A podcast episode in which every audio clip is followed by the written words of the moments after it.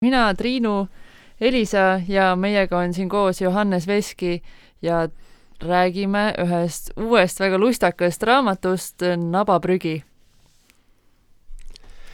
siis, kui uneaeg on käes ja seljast võetud päevasärk, sa keset enda naba näed, kuis luurab imemoega värk.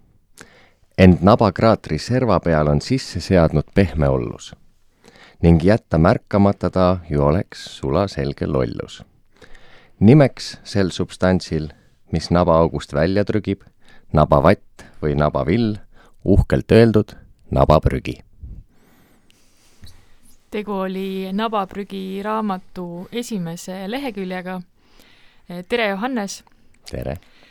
siinkohal on paslik küsida, miks nabaprügi ähm,? nabaprügi lugu saab alguse sest ma arvan, aastal kaks tuhat kolmteist, et see oli niisugune vallatu aeg minu elus, et kus mul oli võib-olla loominguliselt äh, väga aktiivne aeg teatris ja selliseid lustakaid mõtteid, nagu te ütlesite, jooksis läbi nagu palju-palju-palju. ja igasuguseid jutte ja teemasid ja kujundeid, mida me ka oma teatrigrupiga seal päevad otsa villisime ja see nabaprügi jäi kuidagi renderdama niimoodi pikalt. Äh, ja Äh, sest see oli toonane üldse töömeetod meil, et me jäime just nimelt mingisuguse kujundi ümber keerlema hästi, hästi pikalt ka teatriasjad ja siis me hakkasime seda nabaprügi nagu lahti võtma, et et kust see tuleb, miks ta seal on ja mida võib-olla siis naba ja oma naba vahtimine sümboolselt nagu tähendada võiks, siis noh, sellest sai omamoodi kui niisugune mänguline kinnisidee, et mida sealt kõike välja imeda ja siis lõpuks see raamat ise tuligi nabaprügist kui kinnisideest või, või siis kinnisideelisusest ja enda naba vahtimisest, et ei suuda silmi üles tõsta, et muid tähtsaid asju ka maailmas vaadata, et vahid ainult iseenda poole. jah, see kinnisideelisus on selles raamatus kindlasti olemas. päris täpselt ei taha reeta tulevasele lugejale, mis kujul, aga mm, kellele see raamat on suunatud? Äh, see on olnud vist üks, üks kategoriseerimine on olnud meie jaoks ka nüüd koos kirjastusega, koos Levila kirjastusega, kes selle lõpuks aitas välja anda, et see on tänase päevani selline raske ülesanne. et äh, me ise oleme mõelnud, et ta on lapsemeelne raamat täiskasvanutele või siis täiskasvanulikke motiive avav raamat lastele, et emba-kumba pidi, aga ta on kindlasti kusagil seal piiri peal jooksebki. et tahaks loota, et, et sealt leiavad isad ja lapsed, võib-olla ka emad ja lapsed, et midagi, mida koos lõbusalt lugeda. jah, raamatu lõpus on äh, välja toodud siis selline äh, pseudoteaduslik äh, ülevaade nabaprügi tekkimisest meestel ja naistel, naistel vähem, meestel rohkem et emad ei jää päris kõrvale ikkagi päris kõrvale ei jää, jah. see uurimus oli päris, oli põnev nagu uurida pärast nüüd seda värsside valmissaamist või noh, ka sellel ajal, et, et just miks see tekib, eks, et see on ka selline suur küsimärk, ma arvan, noh, kas ta nüüd inimeste elus väga tähtis küsimus on, aga ikkagi ta sinna tekib, et kust ta tuleb, et natuke võtab kukalt kratsima. ja üllatuseks on tehtud rohkem kui üks uurimustöö täitsa asjalike teadlaste poolt nabaprügi kohta. ja üks nabaprügi uuriv teadlane on saanud ka sellise auhinna nagu Ig Nobel et Ig Nobel on siis äh, Nobelite kõrval või tuules välja antav selline teadusauhind teaduslike saavutuste eest, millest maailmale peaaegu kindlasti mitte mingit kasu ei ole, aga mis on siiski tehtud nagu kõva põhjalikkusega. aa, siis ma ikkagi olin ennatlik selle ähm, selle liigitusega pseudoteaduslik, sest et ma kuidagi eeldasin, sest see raamat ise on selline lustlik, mänguline, et siis lõpuots on tehtud, et tõlkinud Johannes Veski, et siis on nagu justkui nagu väljamõeldis sinna otsa. Ei, tegu ei ole tegelikult üldse tõsine teadus. Tegelikult ei ole jah, tegu üldse väljamõeldisega ja et see tõlge on veel väga, väga kitsendatud või kontsentreeritud vormis, et tegelikult see konkreetne artikkel, kus me selle tõlke tegime, läheb palju-palju sügavamale. Äh, arvutustes äh,, lausa arvus, arvutustes ja matemaatilistes valemites, et kus, kuidas see nabaprügi meie nabasse ikkagi jõuab. ja viiteid on siis selles artiklis veel kümnele järgmisele, nii et see päris nagu puudutamata teema maailmas ei ole, et ikkagi teadusmehed on proovinud nagu asjast sotti saada, et mis värk on oma raamatus oled koostööd teinud ka illustraatoriga eh, Fred ja kuidas teil omavahel koostöö sujus või kuidas need pildid tekkisid, kas sina andsid eh, talle teksti ja siis tema vastavalt sellele lasi oma mõtte lendu või oli see kuidagi tihedam koostöö? ta oli, ta oli päris tihe koostöö ja Fredi hämmastavalt detailsed illustratsioonid on ka üks eh, võib-olla peamisi põhjuseid, et miks, eh, miks meil nii kaua läks, et ma mainisin, et kaks tuhat kolmteist hakkasime me pihta ja nüüd vist kukkus kaks tuhat kakskümmend kaks äh, äsja. Ja seal oli päris palju nokkimist, nagu alguses noh, läks tekst Fredile, sealt tuli mingisugune idee tagasi, detaile jälle juurde pildile omalt poolt, et seal jookseb üks teine, üks või kaks isegi lugu võib-olla veel taustal, kui neid pilte väga, väga hoolikalt vaadata, et seal on täitsa selline Find Walli vibe on ka sees, et kui neid pilte uurida, et mis asju seal aetakse, et seal on, seal on veel mitu kihti lugu all. Ja neid vidinaid me sinna nagu tagasisideprotsessis ikkagi toppisime nagu hoolega. Uh, jah, ja ma arvan, et ka Fredi, Fredi poolt vist, kui me rääkisime kinnisideelisusest, siis üks nagu visuaalne kujund äh, seal raamatus on väga tähtsal kohal, mida ma ka võib-olla praegu ei reedaks, aga seal on midagi väga hamletlikku käimas ümber navaprügi peab uuesti ette võtma ja neid äh, sügavamaid kihte seal uurima raamat on kirjutatud äh, värsis mis põhjusel või et kas see oli ähm, ainus viis, kuidas sa nägid, et, et see lugu jooksis sinu jaoks või tuli see selle mängulisusega, mis äh, omal ajal äh, algselt seda ideed saatis või kuidas mm., kuidas see kuju lõpliku vormi sai?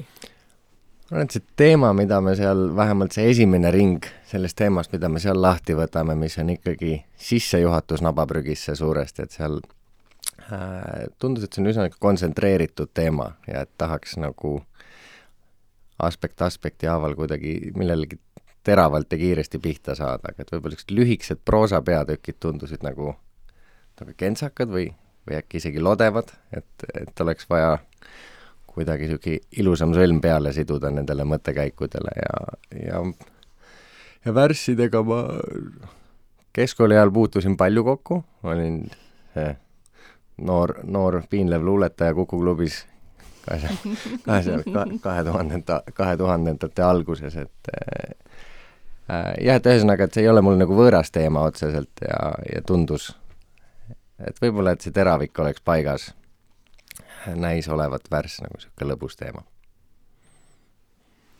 ma olen valinud ühe lehekülje veel, mille ma palun sul ette lugeda ja siis no, on ja siis äh, mm -hmm. vestleme sellest hetke ka. okei okay., nii. aegade algusest, kui mitte varem, meestele mureks on ürgne probleem. kellel on suurem, kellel on parem, kes õigesti mõistab ja õigesti teeb. Nabaprügi konteineri ääres kangemat sorti mõõduvõtt käib. kaal või kohevus või hoopis suurus määravaks teguriks muutuda võib vaidlus, mil pole ei otsa, ei algust, kelle nabakraam on teistest ees nabaprügi afääri meil selgust tuua võib ainult nabaprügimees. lugesin seda hommikul üle ja noh, paratamatult jäi mõtlema, et äh, see küsimus, mis ma ka enne esitasin, et kellele see raamat on suunatud, et noh, mänguline täiskasvanu või siis äh, laps ja täiskasvanu koos, aga et kas see, see element, mis sellest hetk-, tagasi kuuldud lehest et hõngub, on ka selline õpetuslik, et kui sa näiteks loed äh, oma lapsega seda, et kui väga sa seletad seda või kuidas tema seda vastu võiks võtta, seda, seda lehte, seda sisu, mida ta seal näha võiks no.? ma kujutan ette, et see võib sõltuda väga lapse vanusest, et noh, minu, minu tütar Herta, kellega me seda kodus oleme, sirvime ja loeme vahel, noh, tema saab nüüd neli, et võib-olla sellist täiskasvanute olelusvõitlust, mida, mida siin on proovitud esile tuua, et see võib-olla temale veel nagu niivõrd äh, nagu läbinähtav teema ei ole, et noh, kuigivõrd, et seal äh, seda värssi saatval pildil, eks ju, seal on näha, et nagu kutid tülitsevad millegi üle, eks ju mm. -hmm. ja, ja noh, ma arvan, et kui tahta sellest nüüd mingit moraalset kommentaari lapsele teha, et siis et siis selles vanuses kindlasti tasub kõrvale ütelda, et võib-olla ei ole kõige tähtsam asi nagu kogu aeg vaadata, et kas mul on parem ja suurem ja kihvtim ja, ja teistega mm -hmm. võidu ajada ja rusikat vibutada, et, et nii käib, nagu mina tahan. et, et eraldiseisvana see, see või peatükikene jah, võib-olla vajaks mingit, või noh, kui tahta sellest midagi otseselt õpetlikku teha.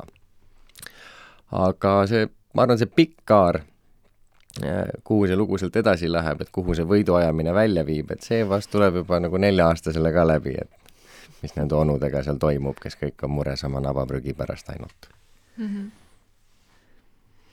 -hmm.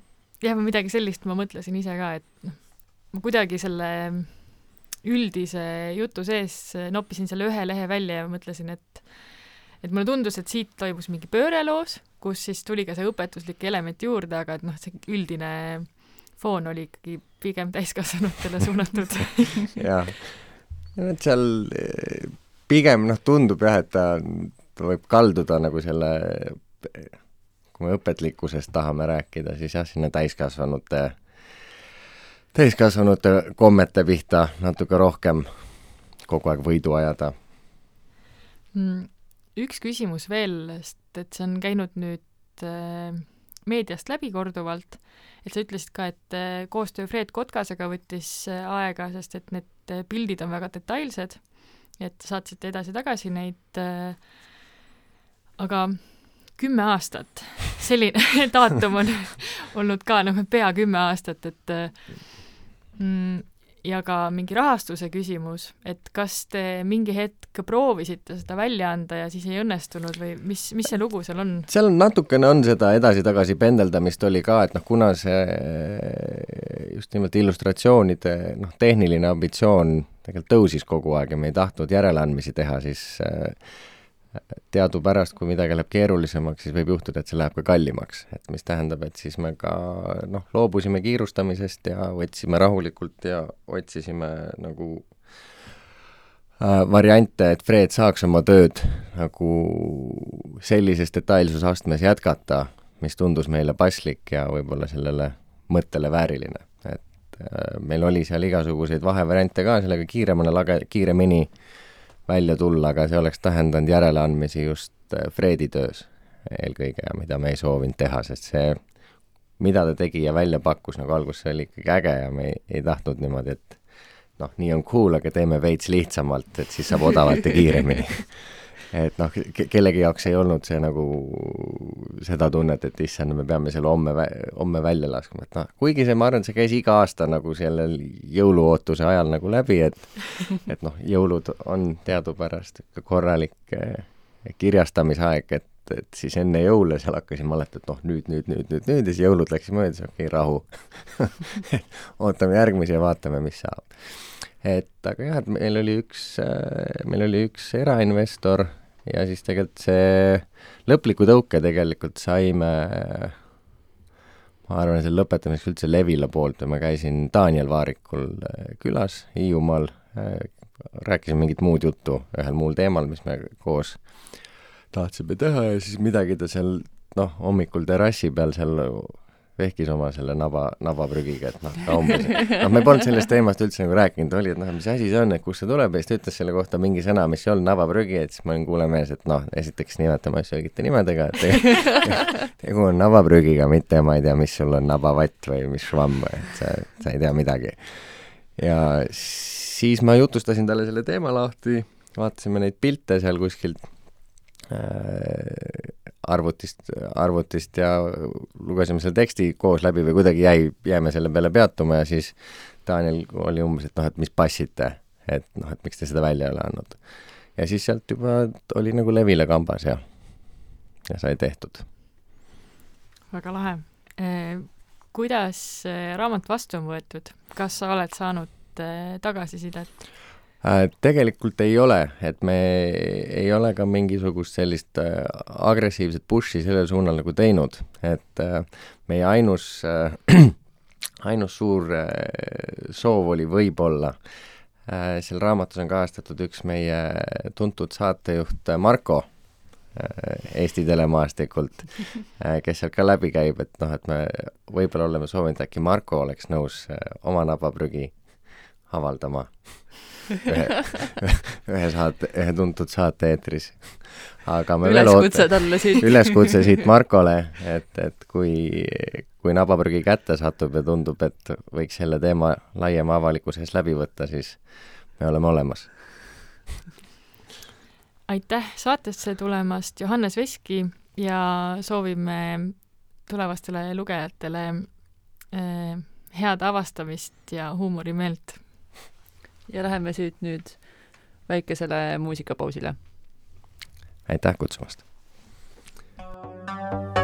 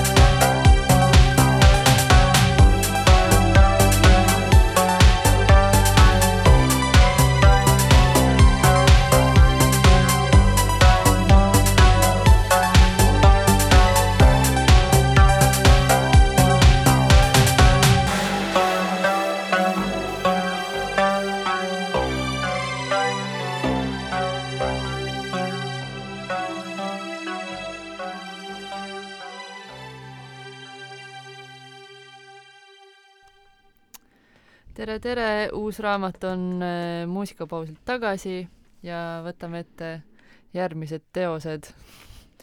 mina olen äh, hiljuti lugenud mm, raamatut pealkirjaga Anomaalia ja selle autor on prantslane Hervé Letelier. ma äh, natukene vabandan, kes oskavad prantsuse keelt paremini, siis see hääldus kindlasti ei olnud sada protsenti korrektne kes on selle raamatu tõlkinud? Selle on äh, tõlkinud Sirje G-Vallik. minu meelest väga hästi tõlgitud.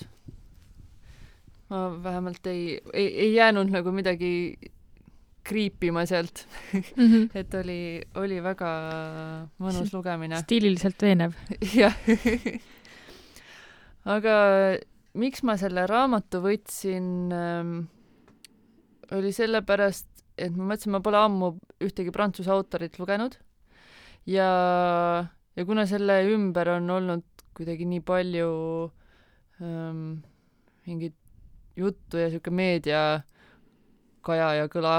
kuidagi pildis on ta olnud ta väga tugevalt. pildis on olnud ja siis ma äh, tahtsin teada, miks, miks ta siis on kogu aeg pildis ja ta sai äh,, see raamat siis sai ka äh, Concordi auhinna, mis on Prantsusmaal äh, üks äh, prestiižsemaid auhindu ja mis antakse siis äh, modernsele nii-öelda proosateosele, mis on siis just välja tulnud. Ja üks huvitav fakt selle auhinna kohta on, et laureaat saab tasuks kümme eurot.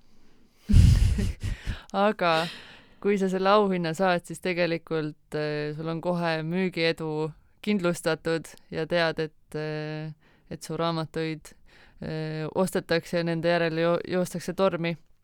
ja seda raamatut on ka siis juba vist miljoneid müüdud. nii et see mulle tundub see täiesti veenev selgitus, et, et see sümboolne auhinnatasu siis kuidagi nagu ilus selline twist sellele aga raamat ise siis ähm, algab sellega, et kirjeldab äh, erinevate inimeste mm, või tegelaste siis äh, äh, hetki enne üht siis äh, sellist äh, põhisündmust. aga need inimesed võetakse ühekaupa ette, iga nende lugu räägitakse eraldi ja siis need äh, saavad kokku kõik ühes mm, nii-öelda lennukis, mille ähm, siis reisijad nad on. ja sealt äh, siis hakkab lahti hargnema lugu, mis äh, läheb selliseks trilleriks, põnevikuks kätte. et seal ma natukene lugesin, et mida teised sellest arvavad ja siis on kohati ette heidetud, et see sissejuhatus on äh, umbes pool raamatut, aga minu meelest see, just see, et nendesse korrekt-, karakteritesse süveneti alguses, et see ähm, lõi nagu hästi selge pildi, et mis äh, inimestega on tegu, et siis, et siis pärast see sündmus saaks siis väga äh, nagu huvitavalt edasi või lahti hargneda äh,. ma, ma päris täpselt ei saa öelda, mis juhtus, kuna see reedaks natukene seda kas selle sisu, kohta aga... mitte ei ole isegi selles kirjelduses mingisugune osa öeldud? ma tean, et seal on lennu, kas lennuõnnetus? Äh, mm. lennuõnnetus ei ole, seal on, äh, noh, samas ma vist võin rääkida ka. aga on... ma midagi juba tean, et ma ei ole ometi seda raamatut lugenud mm. -hmm. jaa see, siin on öeldud, et mingi kummaline sündmus. okei ma ei tea, miks ma lennusündmus või lennuõnnetus selle kohta ise olen mõelnud mhm. aga tegelikult siis äh, on nii, et äh, lennukid nii-öelda duubeldatakse kellegi poolt, ehk siis üks lennuk on juba maandunud märtsis ja järsku tekib äh, juunikuus täpselt seesama lend, täpselt seesama, täpselt samade reisijatega ja siis see on äh, nagu topelt, topeltlennuk. ja hmm. üks äh, on juba märtsikuus ära maandunud ja teine maandub äh, juunikuus, aga mis siis kohe ähm, võetakse siis sõjaväe ja CIA, CIA ja FBI poolt siis vaatluse alla, et see on siis see anomaalia. et kuidas on see võimalik, et nüüd on, neile inimestele tehakse uu-, uuringuid, et nad on täpselt samade DNA-de ja geenidega, kes juba elavad selles praeguses maailmas ja nüüd neid seda kakssada kolmkümmend inimest, kes seal lennukis oli, et neid on siis topelt. ja see, et kuidas ja siis sealt hakkas, hakkab hargnema see, et kuidas inimesed reageerivad sellele, kui nad saavad teada, et see reaalsus, mida, milles me oleme, et see võib-olla ei olegi päris, et see kõik on siin simulatsioon mm. -hmm. ja siis hakkab äh, hmm, selle ümber äh, siis selline mm, triangel pihta et kuidas, kuidas keegi sellele reageerib ja kes, kes tahab enda nii-öelda teisikut ära tappa, kes tahab ise olla, või noh, üks nendest siis tahab nagu alles jääda, kes tahab oma nii-öelda selle äh, topeltinimesega, topeltgängeriga koos olla, tutvuda temaga, sõpradeks saada, et see, et siin tulevad siis mängu inimeste iseloomud ja kuidagi see, et kuidas keegi sellise olukorraga hakkama saab ja kas me üldse käituksime teistmoodi või kuidas me käituksime, kui me saame teada, et see reaalsus, milles me arvame end olevat, et see ei ole päris. et see, see on niisugune lühike kokkuvõte, aga see on väga meisterlikult äh, kirjutatud mm,. niisugune hoogne, see oli ka väga hoogne äh, lugemine, mul polnud vist põnevikku ka ammu lugenud et siis oli vahelduseks päris, päris mõnus. selline te-, natuke teisest žanrist. Sind kuulates ja varasemalt seda kirjeldust lugedes tekkis mul paralleel Eva Kohvi romaaniga Kirgas uni ja nüüd uus mõte sind kuulates tekkis veel Rein Raua Viimane kustutab tule. et mõlemas on mingid elemendid, mis on selles anomaalias ka esil. Eva Kohv mängib selle äh, elemendiga, kui äh, kui keegi teeb meie eest tegusid, kui me oleme kuskil mujal või me oleme mingis staadiumis, kus me ei saaks ise neid tegusid teha.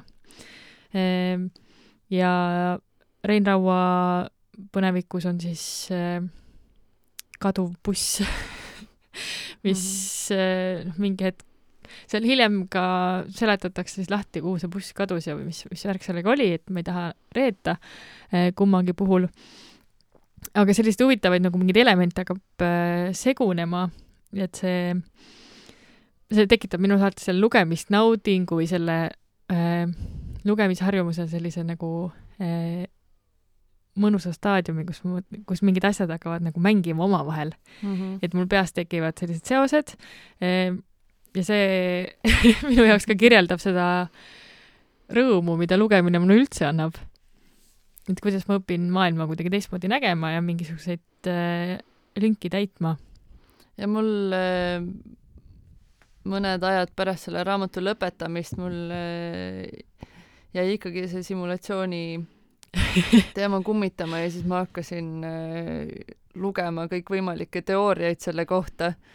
Ja ja siis äh, jõudsin ka selleni, milles, millest siin raamatus või ühte teooriat, mida seal mainiti, uh, mille nimi nüüd mul praegu ei meenu, selle mm, okei okay,, jääb, aga põhimõte on selles, et äh, kui teoreetiliselt äh, vaadata, siis suurem tõenäosus on, et me elame simulatsioonis, kui see, et me ei ela, et kui mm, -hmm. kui arvutada see välja kuidas sul äh, mingi paranoilisus tuli ka peale või ei tulnud?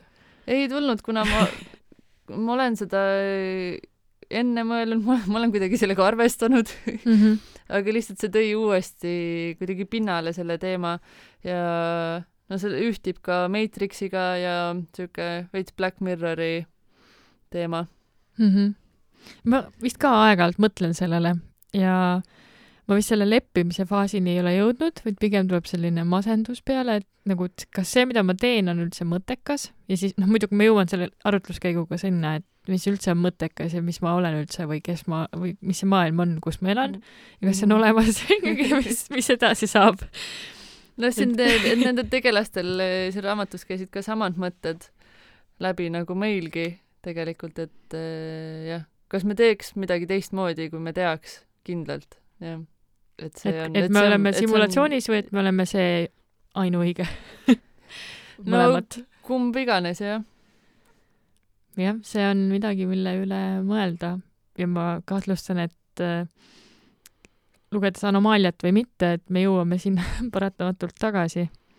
aga ma saan aru, et sinu poolt äh, tugev lugemissoovitus. jaa, ja mulle see väga meeldis, see, see ülesehitus oli Äh, väga nauditav, et ma polnud, polnud sellist äh, nagu äh, või sellise võtmega teksti ammu lugenud. Mul on küsimus selle ülesehituse kohta, et sa tõid selle nüüd uuesti välja. kas see, sa ütlesid, et äh, andis palju juurde, et nende tegelaste elusid ja olemist oli esimeses raamatu pooles avatud kas läbi selle sa elasid nende eludesse kuidagi rohkem sisse või kaasa, et kas sul tekkis nagu mingi tunne, et noh, et kas, kas see, kelle elu sulle kirjeldati, oli see, see, see üks isiksus või see simulatsiooni isiksus või nad on seesama, et kas see, mis nagu, mis emotsioonid sinust läbi käisid, kui nemad said teada, et neid on mitu, et kas see kuidagi, see eelnev teadmine äh, tegi selle efekti tugevamaks või mis kujul um,?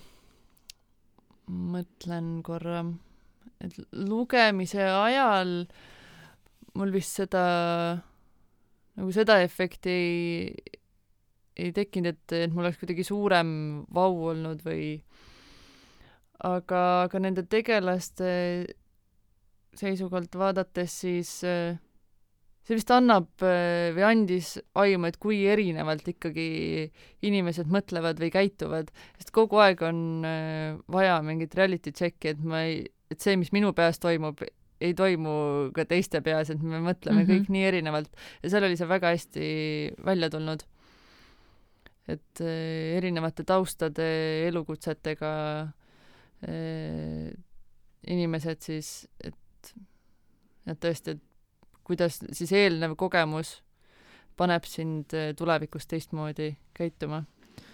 kas mõni tegelane tekitas sinust erilist sümpaatiat või, või antipaatiat, et kui sa ütlesid, et keegi tahtis enda topelgängerit näiteks ära tappa, et olla ainus, siis äh, kui sa mäletad ja kuidas sellega oli, et kas see kas tema eluloos oli mingisugune viide sellele varasemalt või mm,?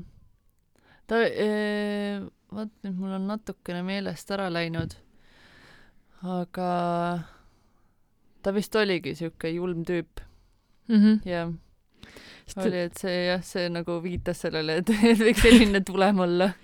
okei okay., sest miks mul see mõte tekkis, Äh, lugedes ühte teist prantsuse autorit, äh, Virginie Desplanti, äh, kellelt siis eesti keeles on värskelt kolme aasta jooksul ilmunud Fernon Subutexi triloogia, siis temal on see komme või tema stiili osa on siis ehitada karakter üles nii, et ta teeb ta sulle väga inimlikuks ja kättesaadavaks, enne kui ta ütleb, mis sellel tüübil viga on et ta jõuab sulle sümpaatseks muutuda ja siis ta ütleb, et ja talle meeldib oma naist pe peksta.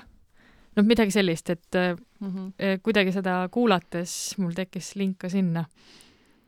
ja see mõnes mõttes äh, tänuväärne, et ta niimoodi teeb, sellepärast et äh, ükski inimene tegelikult ei ole lihtsalt üdini halb, et mm -hmm. nagu, et kõik mis tal on, kõik on halb, et sellist asja ei ole olemas, et see annab äkki meile võimaluse või teise võimaluse vaadata neid inimesi, kes on midagi valesti teinud, ka teistsuguse pilguga või neile anda mingite kohtade pealt uus võimalus, et äh, ja näha ka Et- seda, kuidas nemad jah. ise mõtlevad jah, enda elu kohta või enda, enda ja inimeste vahelise suhte kohta. jah, just, et see, et äh, et nagu midagi, midagi head on kõigis tegelikult meil olemas, et lihtsalt see tuleb, tuleb üles leida. täiesti nõus. jätkame tõlgetega. siin eelmise aasta lõpus, eh, detsembrikuus ilmus eh, Gan Bao Vaimude otsija kirjad, valitud lood, mille on eh, klassikalisest hiina keelest tõlkinud Katja Koort. ja tegu on siis äh, mm, Hiina klassikalise kirjanduse kuldvaramusse kuuluva teosega, mille on üles täheldanud õpetlane Gan Bao, kes siis selle aja kohta oli justkui nagu ajaloolane, aga noh, kui ma ütlen justkui ajaloolane, siis seetõttu, et kui sa neid lugusid loed, et siin on ka neid äh, ülestähendusi sellest siis, äh, kuidas kedagi mõni vaim kimbutas ja mida see tähendas ja mida ta oma elus oli halvasti teinud või mis nüüd halvasti hakkab minema või siis sa nägid seda ja siis homme sa kõnged ja nii edasi, noh, et see kuulus lihtsalt selle traditsiooni juurde nii tugevalt. eh, ja vahest ka praegugi on neid elemente, mida väga tugevalt jälgitakse. seda raamatut lugedes ma mõtlesin korduvalt, et eh, ma lugesin teda liiga kiiresti. ma lugesin järjest, siin on eh, erinevad äh, kirjarullid, mis on äh, jagatud äh, temaatiliselt. et näiteks on siin lood surnuist ärkamisest ja hauataguses ilmas käimisest. siis on siin lood loodusvaimude ja inimeste läbikäimisest, lood teadjameeste ja naiste imetegudest, kurjakuulutavate tavade ja sündmuste kirjeldused, Hiina muistsete valitsejatega seotud ended ja nii edasi. Et noh, temaatiliselt võiks vabalt teha pärast iga kirjarulli väikse pausi ja see raamat võib üldse ära panna, isegi mitte nagu tunniks või päevaks või võib-olla isegi pikemaks, sest et nad hakkavad küllastuma. Et siin, aga ma soovitan seda raamatut lugeda järjest, sest Katja Koort on teinud, noh, ma mõtlen järjest selles mõttes, et mitte võtta võtta siis erinevaid kirjarulle suvalistest kohtadest nii-öelda mm. lahti. sest Katja Koort on selle raamatu, peale selle, et see tõlkimine on suur töö, et see on klassikaline hiina keel, mm, on ta väga rohkete kommentaaridega täiendatud. ja Katja Koort eeldab siis oma lugejalt tähelepanemist selles osas, et ta teeb, kui ta ühe kommentaari teeb, siis ta ei tee seda hiljem uuesti, sest muidu see muutuks muidugi hästi koormavaks lugejale ka. et selles, sellepärast ma ei soovita seda võtta eri kohtadest lahti. ja miks ma soovitasin pause teha, on see, et näiteks need muistsete Hiina valitsejatega seotud lood kohati võivad natuke tüütuks ka muutuda, kui neid hästi palju on järjest. et kuidagi see selle traditsiooni osa, mis teeb Hiina ajaloo lihtsasti ligipääsetavaks, samas ka, et kõik on väga hästi üles täheldatud, aga neid li-, väga detailseid ülestäheldusi ei ole alati nagu lõbus lugeda või nagu, mitte et see peaks lõbus olema, aga ta ei ole lihtsalt nauditav ka. Aga ma väga nautisin näiteks looduse ja inimese vahelisi suhteid, väga meeldisid need vaimulood ja kollide tembutamised ja Katja Koort ütleb ka siin eessõnas, et kohati võivad need lood olla võikad. Mm.. võib-olla tõesti, aga kui mõelda, et noh, klassikaliselt sellised vaimu- või tondilood, siis nad on tihti isegi võikamaad. Ja näiteks Jaapani õuduslood on noh, niisugused verd tarretavad ja tõsiselt verd tarretavad niimoodi, et sa nagu loed seda ja sa ei taha õhtul magama minna, sest et sa ei tea, mis pea sul nagu voodi alt välja ilmub kes seal lendab ringi ja tilgub. et seda ei ole Hiina klassikalistes lugudes väga palju, vähemalt mitte nendes lugudes ehm, ja, ja selle võikuse kohta võib-olla ka samas võikalt võib mõjuda mm, mõte, mis ma endale olin kirja pannud, niisugune kuiv nagu tapmine, et äh, kui emotsioonitu siis? ta ei ole emotsioonitu, aga ta on selline nagu esimese emotsiooni pealt no,. Okay. et äh, näiteks ma näen, et äh, sinust võib saada parem raadiosaatejuht kui minust ja siis, et seda ennetada, siis ma tapan su ära. noh, sellise mingi hästi mingi yeah. suvalise ja nagu emotsionaalse mõtte pealt, mis iganes mm siuke näide. et siin, siin on seda eriti valitsejatega, aga ka kuskilt mingit külakogukondades ja nii edasi, et niisugune imelik, pea maha, davai aga üldiselt äh, lõppkokkuvõttes ma soovitan siiski lugeda. aga on sul äh, lisaks kommenteerida, Hiina? mul vist ei olegi hetkel rohkem kommenteerida, kuna seal esitlusel, mis meie juures oli ka, et sellest sai päris päris palju räägitud või teada selle loomise tõlkeprotsessist ka, mis oli tõesti väga selline põhjalik ja suur töö. aga ma arvan, et on aeg üheks muusikaliseks vahepalaks. jaa, oleme varsti tagasi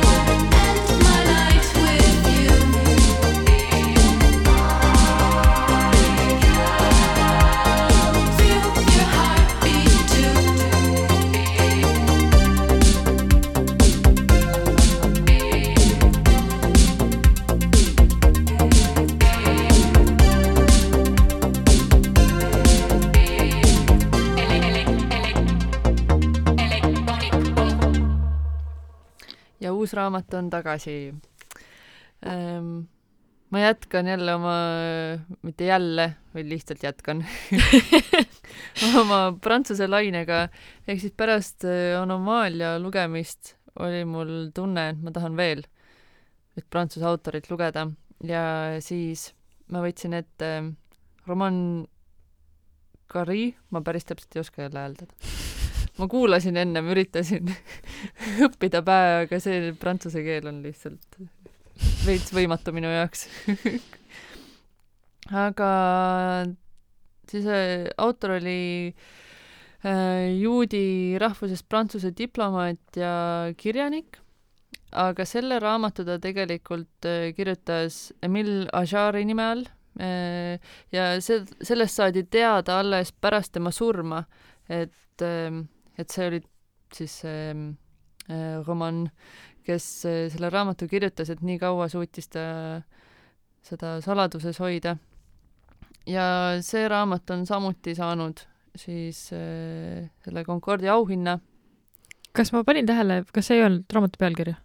jaa, ei öelnud vist tõesti, Elu alles ees on raamatu pealkiri, jaa. Ja tema siis autor on ainus, kes on saanud nii-öelda kaks korda seda auhinda ükskord oma päris nime ja teinekord siis vale nime all aga see raamat äh, on räägitud või jutustatud läbi äh, kümneaastase poisi ja tema ongi siis see nii-öelda mina jutustaja.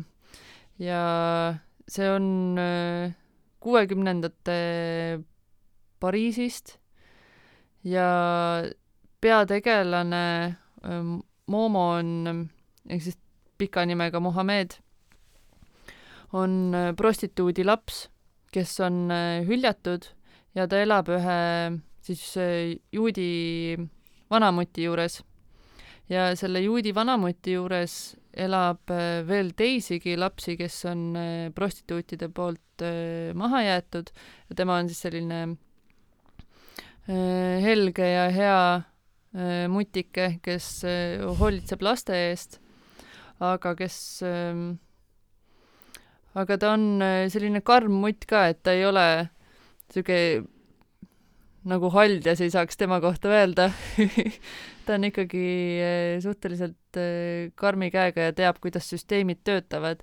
Nende ja selle Mooma, selle poisi jaoks oli ka üks suurimaid hirme, et äkki äh, et äkki nad avastatakse sealt korterist, kus nad kõik koos elavad ja et, et viidakse siis äh, sotsiaalhoolde, hoolekandesse või et nad äh, ei saaks siis sellist vaba elu elada, mida nad siiamaani on elanud. aga see, see, kuidas see raamat on läbi poisi kirjutatud, see on, see ongi kirja pandud nagu laps räägiks ja seda mõttemaailma on hästi huvitav äh, jälgida, sellega on täiesti meisterlikult hakkama saadud. Äh, selle lapse mõtlemises on äh, ka vead sees nii-öelda, et osad kontseptsioonid, mis tä-, mis täiskasvanutele on niisugused tavapärased või loogilised meie jaoks, siis tema kasutab neid kuidagi valesti, aga see on nii, see on nii aus ja ehe, et sa saad aru, et see ongi lapse pea ja lapse mõtlemine aga see tegevustik siis äh, leiab aset ja Pariisis ja Pariisi tänavatel äh, siis nii-öelda selle madalama mm, kihi võib-olla juures siis, et äh, seal ongi prostituudid, sütenöörid, vargad, narkomaanid, et kellega see Mooma peab siis lävima, hakkama saama, aga ta on hästi tark poiss, ta on hästi tark ja ta on kuidagi kõigest sellest üle, äh, mis tema ümber toimub ja ta suudab leida seda head ja, ja see lugu on tegelikult, minu jaoks on ta küllaltki võib-olla helge isegi, et ma, ma nii väga elasin sellele poisile kaasa, et kuidas, kuidas ta mingitest olukordadest äh, välja tuleb ja on nii täiskasvanuliku öö, ähm, mm, olemisega, kuigi ta on ikka veel laps. et see, see poiss oli nagu täiesti uskumatult välja joonistatud.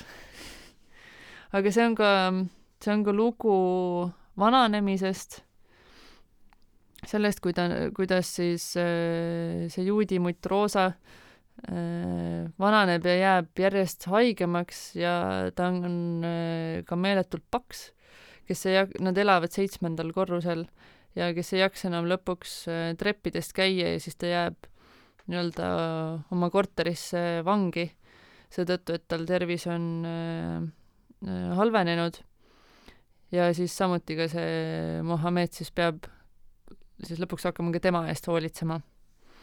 ma, mul on veerand siit äh, raamatust lugemata, ma juba kibel kibelen tahaks äh,, tahaks teada äh,, mis lahenduseni see jõuab, aga see, see on mul äh, tõesti viimase aja lemmikraamatuid, mis ma lugenud olen ta on selle ümber keeranud, et need lapsed sõltusid sellest äh, naisest ja see naine siis äh, oma elu teises pooles sõltub nendest lastest.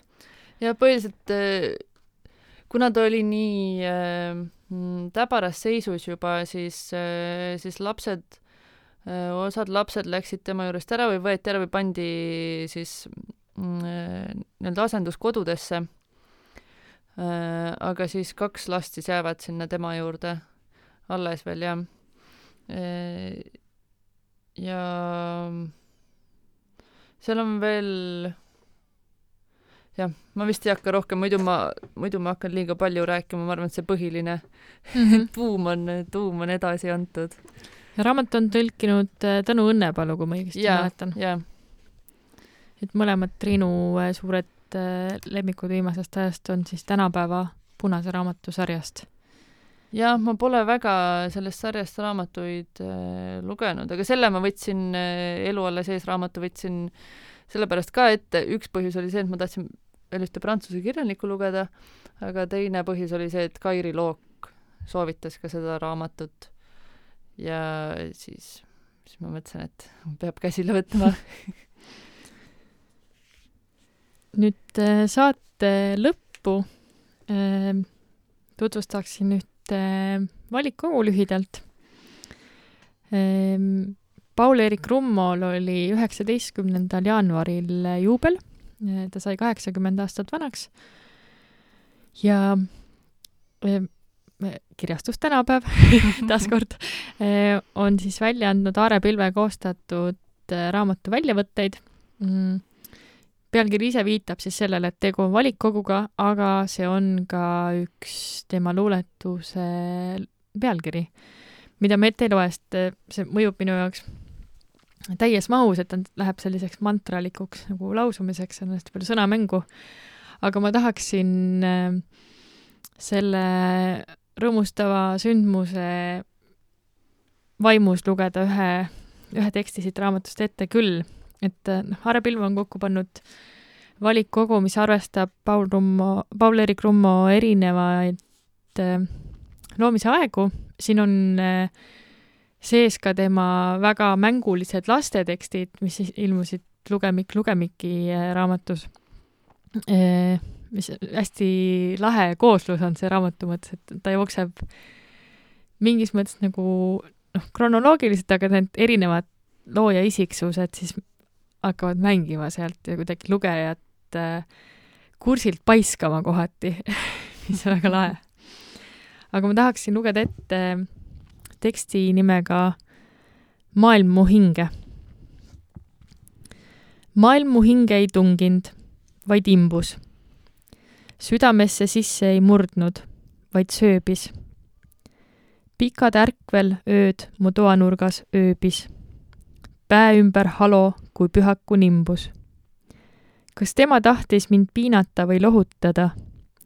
ainiti kärpides mu unelambi tahti. hällitada, ärritada, rahustada, kohutada, kohustada millekski. ah, kas ta tahtis üldse midagi? Lihtsalt ehk niisama, tunnil, mil mu silmatera mõõtmetuks pisenes. mööduva teelisena tule, tuulevarju sisenes oli ja tundes, et hakkab piisama. vöö sidus vööle jälle ja lahkus, viipeta, nii nagu ennist tuli. jäi mulle hingata ta läägus, et ta lahkus. karmuseta kargus, ühtlane tuli. tuli, mis ei hävita, värviline kainus. hääl, mis on igal pool venna eest, õe poolest. kirgas ükskõiksus. kõiksus on tõepoolest üks, üksainus, ainus ja ma arvan, et selle kauni luuletusega võime ka oma tänase saate lõpetada. kohtumiseni veebruaris. tšau!